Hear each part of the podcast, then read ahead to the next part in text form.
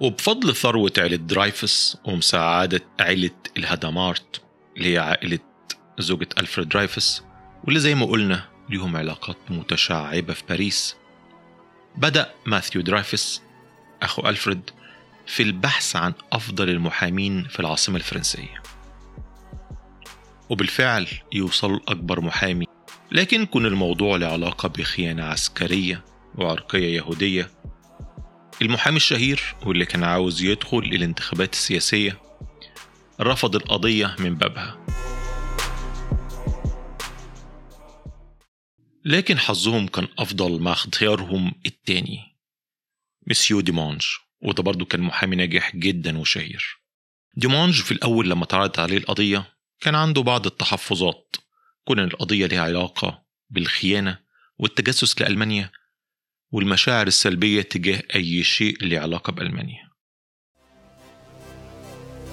في فرنسا في الوقت ده كان في مشاعر قومية قوية وحادة بعد هزيمتهم من ألمانيا سنة 1870 اللي هو قبل 24 سنة من أحداثنا دي وطبعا الدفاع عن جاسوس لألمانيا كان ممكن يدمر سمعة حتى أشهر المحامين. لكن ديمانج لأن ما كانش ليه أي طموحات سياسية ولأنه كان راجل يحب التحدي يعني عشان يرفع من سمعته طلب من ماثيو إنه يديله أوراق القضية ويستنى رأيه. لو القضية والأوراق أشارت إن ألفريد درايفس ممكن يكون بريء هيدافع عنه. لكن لو لقى مذنب هيرفض وهيعلن رفضه ده للعلن. وده طبعا ممكن يسوء سمعة ألفريد درايفس في الرأي العام ويقلل من فرص موافقة أي محامي تاني إنه يدافع عنه. لأن لو اتعرف إن مسيو ديمانج المحامي الشهير الجريء رفض القضية دي فده ممكن يكون زي دليل إدانة من قبل القضية ما تروح للمحكمة أصلا. ماثيو وعيلة درايفس وافقوا على المخاطرة وديمانج أخد وقته في فحص كل أوراق القضية لكنه أخيرا وافق بكل حماس. قال أيوة هيدافع عن ألفريد درايفس. لأن من وجهة نظره ما كانش فيه أصلا قضية من الأساس. مفيش دليل مفيش شهود. كلها محض تكهنات من غير أي دليل إدانة حقيقي. وقبل السنة ما تخلص اللي هي 1894 بدأت محاكمة ألفريد درايفس العسكرية. ودي طبعا ترأسها مجموعة من الضباط من الرتب العالية. لكن ما كانش ليهم خبرة قانونية كبيرة. أول ضربة لفريق الدفاع. كان طلب المدعي العسكري في القضية إن المحاكمة تبقى جلساتها سرية يعني ما يحضرهاش أي جمهور ولا صحافة. وبالطريقة دي أي ضعف أو أي عيوب في قضية مدعي النيابة العسكرية يعني ما تتعرفش ولا توصل للصحافة وبالتالي الرأي العام وما يقدروش يستخدموها للضغط على المحكمة. القضية اتقدمت قدام المحكمة العسكرية بواسطة المحقق العسكري وتم إحضار الشهود عشان يقدموا شهادتهم. كان في شهود تم استدعائهم عشان يقولوا رأيهم بخصوص خط درايفس ومدى تشابهه مع الخط اللي في الوثيقة بتاعة الجاسوس. وبعد كده جابوا شهود عشان يقولوا رأيهم في شخصية درايفس وأخلاقه وطباعه. المدعي العسكري جاب زملاء درايفس اللي قالوا طبعا يعني إن شخصيته محافظة كتومة. وطبعا محامي الدفاع جاب أصدقائه ومعارفه من المجتمع اليهودي في المدينة. وكان منهم الحاخام الأكبر لباريس واللي جه وشهد إن ألفريد درايفس ده شخص طيب غير مؤذي وبيساعد الآخرين. قضية النيابة العسكرية الفرنسية كانت ضعيفة مش بس من وجهة نظر الدفاع بل ومن وجهة نظر القضاة العسكريين نفسه. عشان كده المدعي العسكري قام بتوجيه ضربتين تحت الحزام.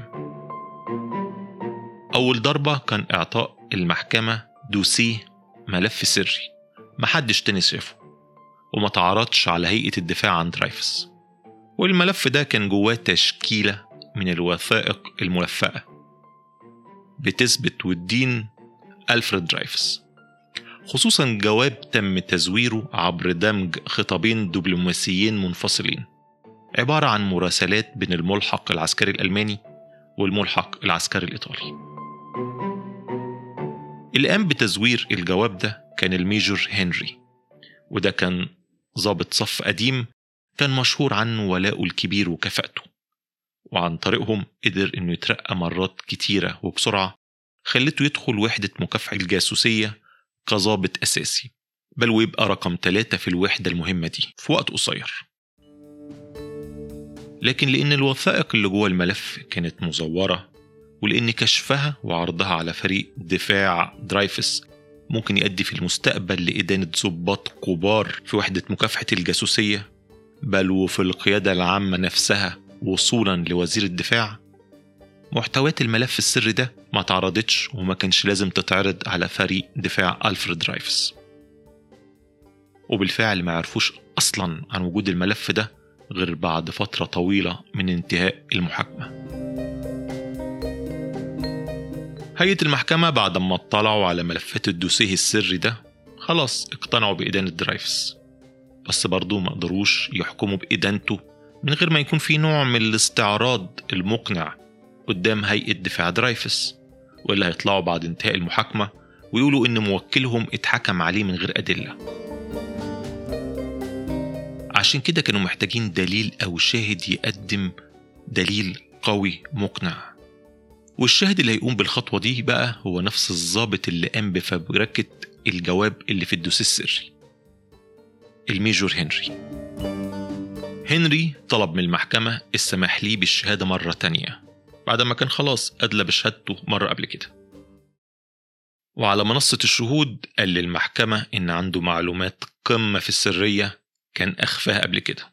لكن دلوقتي حاسس إن من واجبه الإفصاح عنها عشان يعني خدمة العدالة.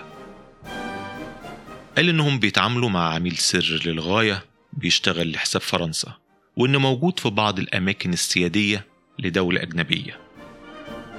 وإن الشخصية دي اتصل بيه وقال له إن في جاسوس في وسط الجيش الفرنسي. وقال له اسم الجاسوس ده ألفريد درايفس. مسيو ديمونج محامي درايفس طلب استدعاء الشاهد للمحكمة بما إن يعني جلساتها سرية. لكن الميجور هنري رفض طبعا. بداعي حماية شخصية العميل السري المهم ده ولضمان استمرارية مهمته السرية. وهيئة المحكمة العسكرية وافقت على عدم استدعاء العميل السري. بل وقررت إنها تقبل شهادة الميجور هنري بشرط إنه يكرر قسمه قدام المحكمة إن يعني شهادته سليمة وحقيقية. والراجل الميجور هنري ما تأخرش وأقسم على الصليب اللي كان منصوب في قاعة المحكمة. وبكده وبعد الشهادة الأخيرة دي القضاة كانوا جاهزين لإعلان حكمهم بإدانة درايفس بالإجماع. إدانته بجريمة الخيانة. وعقوبته هتكون طرده من صفوف الجيش الفرنسي والسجن مدى الحياة. والنفي خارج فرنسا إلى الأبد. بعد مجموعة من المقابلات القليلة الحزينة بين ألفريد درايفس وزوجته لوسي بيتم ترحيله لجزيرة الشيطان. ودي واحدة من ثلاث جزر اسمهم جزر الخلاص Salvation Islands. دول تبع فرنسا وموجودين يدوبك خارج حدود جويانا الفرنسية ودي طبعا مستعمرة لفرنسا في أمريكا الجنوبية ولسه تابعة ليها لحد دلوقتي.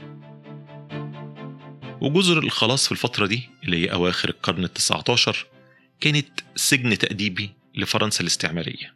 بيبعتوا عليها أسوأ المجرمين لأن الجزر دي كان مشهورة بظروفها القاسية جدا واستحالة هروب المساجين منها. وإن كان يعني في اتنين قدروا يهربوا منها ولهم صيت كبير وهم الثائر الأناركي كليمنت دوفال والمجرم هنري شارير ودول محاولاتهم تم تسجيلها في كتب بل وأفلام. أشهرها فيلم بابيون اللي كان من أبطاله رامي مالك الممثل الأمريكي ذو الأصول المصرية. المهم التلات جزر بتوع جزر الخلاص دول في منهم جزيرتين كبار كانوا عبارة عن معسكرات تأديبية أما التالتة فكانت جزيرة صغيرة اسمها جزيرة الشيطان ودي كانت منطقة عزل للمساجين المصابين بالجذام لكن في الفترة اللي وصل فيها درايفس ما عادش فيها النوع ده من المساجين وكانت خالية تماما. وطول الفترة اللي درايفس هيفضل محبوس فيها على الجزيرة هيبقى هو السجين الوحيد. ودي الحقيقة يعني نعمة في وسط النقمة أو العذاب اللي هو كان فيه. لأن واحد زي ألفريد درايفس جاي من عيلة غنية متعود دايما على العيشة الكويسة. لو كان اتسجن في جزيرة من الجزيرتين الكبار مع المجرمين العتاه كان غالبا هيموت في خلال شهور قليلة إن ما كانش أيام. برضه ظروف العمل الشاق للمساجين والأمراض الاستوائية اللي موجودة في المنطقة دي أكيد كانت هيكون لها تأثير سلبي ومهلك على صحة ألفريد درايفس بس ده مش معناه إن ألفريد كان سجنه مرفه لا. كان دايما بيتم إعطائه كميات قليلة جدا من الأكل وكتير كان بيبقى فاسد وكان بيضطر يدور في الجزيرة الصغيرة يعني في الفترات اللي بتسمح فيها ليه إنه يتحرك. كان بيدور على أكل أو يزرع بعض المحاصيل الصغيرة ويطبخها بنفسه. لكن يعني لحسن حظه نتيجة ثراء عيلته وعيلة زوجته وعلاقاتهم لوسي زوجته كانت كتير بتشحن له أكل وملابس عشان يقدر يعيش على الجزيرة. لكن الحاجات دي يعني عشان توصل من فرنسا للجزيرة اللي هو منفي فيها كانت بتاخد وقت طويل جدا. وكتير من الحاجات كان بيتم سرقتها أو إتلافها بطريقة أو أخرى. زائد طبعا كان بيتم تعريضه لظروف غير إنسانية كتيرة. أشهرها وأهمها هي الأوامر اللي تم إعطائها للحراس بتوعه إنهم ما يتكلموش معاه أبدا. وما يردوش حتى عن أبسط استفساراته. تم نبذه تماما بل وتعرض لواحدة من أشنع العقوبات لما جريدة من الجرائد المعادية للسامية في فرنسا أعلنت إن درايفس قدر يهرب من الجزيرة بمساعدة الأساطيل الألمانية والبريطانية. اللي هو يعني متوقع إن الألمان يساعدوه لأنه جاسوسهم وإن بريطانيا تساعده لأنها يعني بحسب نظريات المؤامرة هي حامية اليهود عبر العالم وهتهرع لإنقاذ واحد من أهم الشخصيات اليهودية العالمية. مع انتشار الشائعات دي تم إرسال تعليمات للحامية العسكرية اللي هي بتحمي جزيرة الشيطان عشان يشددوا من إجراءاتهم. خوفا من تهريب درايفس فعلا وكده تبقى فضيحة. نتيجة التعليمات دي تم بناء سور تاني إضافي حوالين الكوخ الصغير اللي كان درايفس مسجون فيه ونتيجة الرطوبة العالية بقى بيتخنق أكتر في الجو الرطب الاستوائي بتاع الجزيرة. وزيادة على كده بالليل كانوا بيربطوا رجليه بالحديد في السرير قال إيه عشان ما يهربش. ودي طبعا طريقة مؤلمة وصعبة جدا للنوم. لكن لحسن الحظ الحامية اللي كانت مسؤولة عن حراسته بطلت الإجراء ده بعد شهرين. المهم درايفس هيفضل مسجون في الحالة المزرية دي لخمس سنين من أوائل سنة 1895 لغاية 1899 هتنقطع كل علاقته بالعالم الخارجي ما عدا الجوابات القليلة اللي كانت بتوصله من زوجته. وكتير منها أصلا ما كانتش بتوصل نتيجة توهانها في النظام الفرنسي.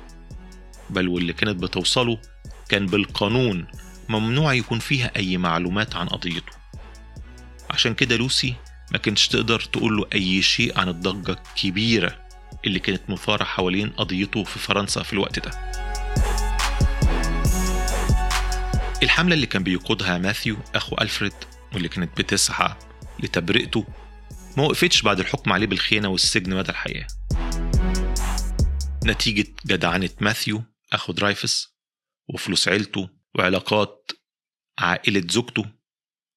الحملة لتبرئة درايفس ما وقفتش أبدا وبمرور الوقت بدأت تاخد زخم.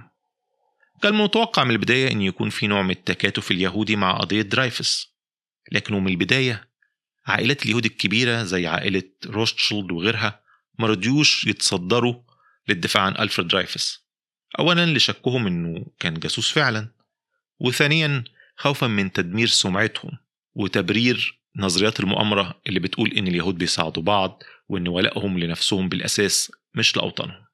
ده حتى المؤسسات اليهودية الدينية الحاخامية برضو تجنبوا الموضوع تماما. عشان كده ماثيو والمحامي ديمونج قرروا إنهم الأول يحاولوا يتواصلوا مع الشخصيات النافذة في الحكومة الفرنسية. يعني عشان الموضوع يتحل بطريقة ودية بعيد عن أعين الصحافة. خصوصا الصحف المعادية لليهود.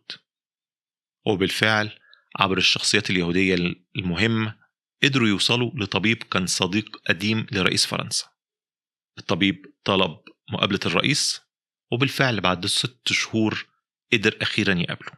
وفي المقابلة طبعا طلب من الرئيس إنه يراجع قضية درايفس تاني عشان يشوف قد إيه هو مظلوم ويستحق البراءة. لكن رئيس الجمهورية فاجئ زميله القديم بإنه مصدق إن درايفس فعلا مذنب. والسبب كان الدوسيه السري. ودي كانت أول مرة عيلة درايفس والمحامي بتاعه يعرفوا عن وجود الدوسيه أو الملف السري ده. طبعا كانت صدمة كبيرة إن قضاة المحكمة العسكرية يقبلوا بدليل ما يتمش عرضه على فريق الدفاع. وصدمة أكبر إن رئيس الجمهورية نفسه يكون شايف إن التصرف ده شيء عادي ومبرر. إجراء بيخالف الأعراف القضائية السليمة لكن الكل كان قبله بمنتهى البساطة. اللي هو كان السؤال المنطقي هو مش يمكن الملف ده مزور أو مش مظبوط؟ والإجابة كانت إن وزير الحربية الفرنسي ذات نفسه اللي هو الجنرال ميرسييه أكد صحة محتويات الملف ده. فأكيد يعني راجل في منصبه وبخبرته مستحيل يغلط. وبناء عليه قضاة المحكمة صدقوا الملف. ورئيس الجمهورية اعتبروا دليل معتبر على إدانة درايفس بالخيانة.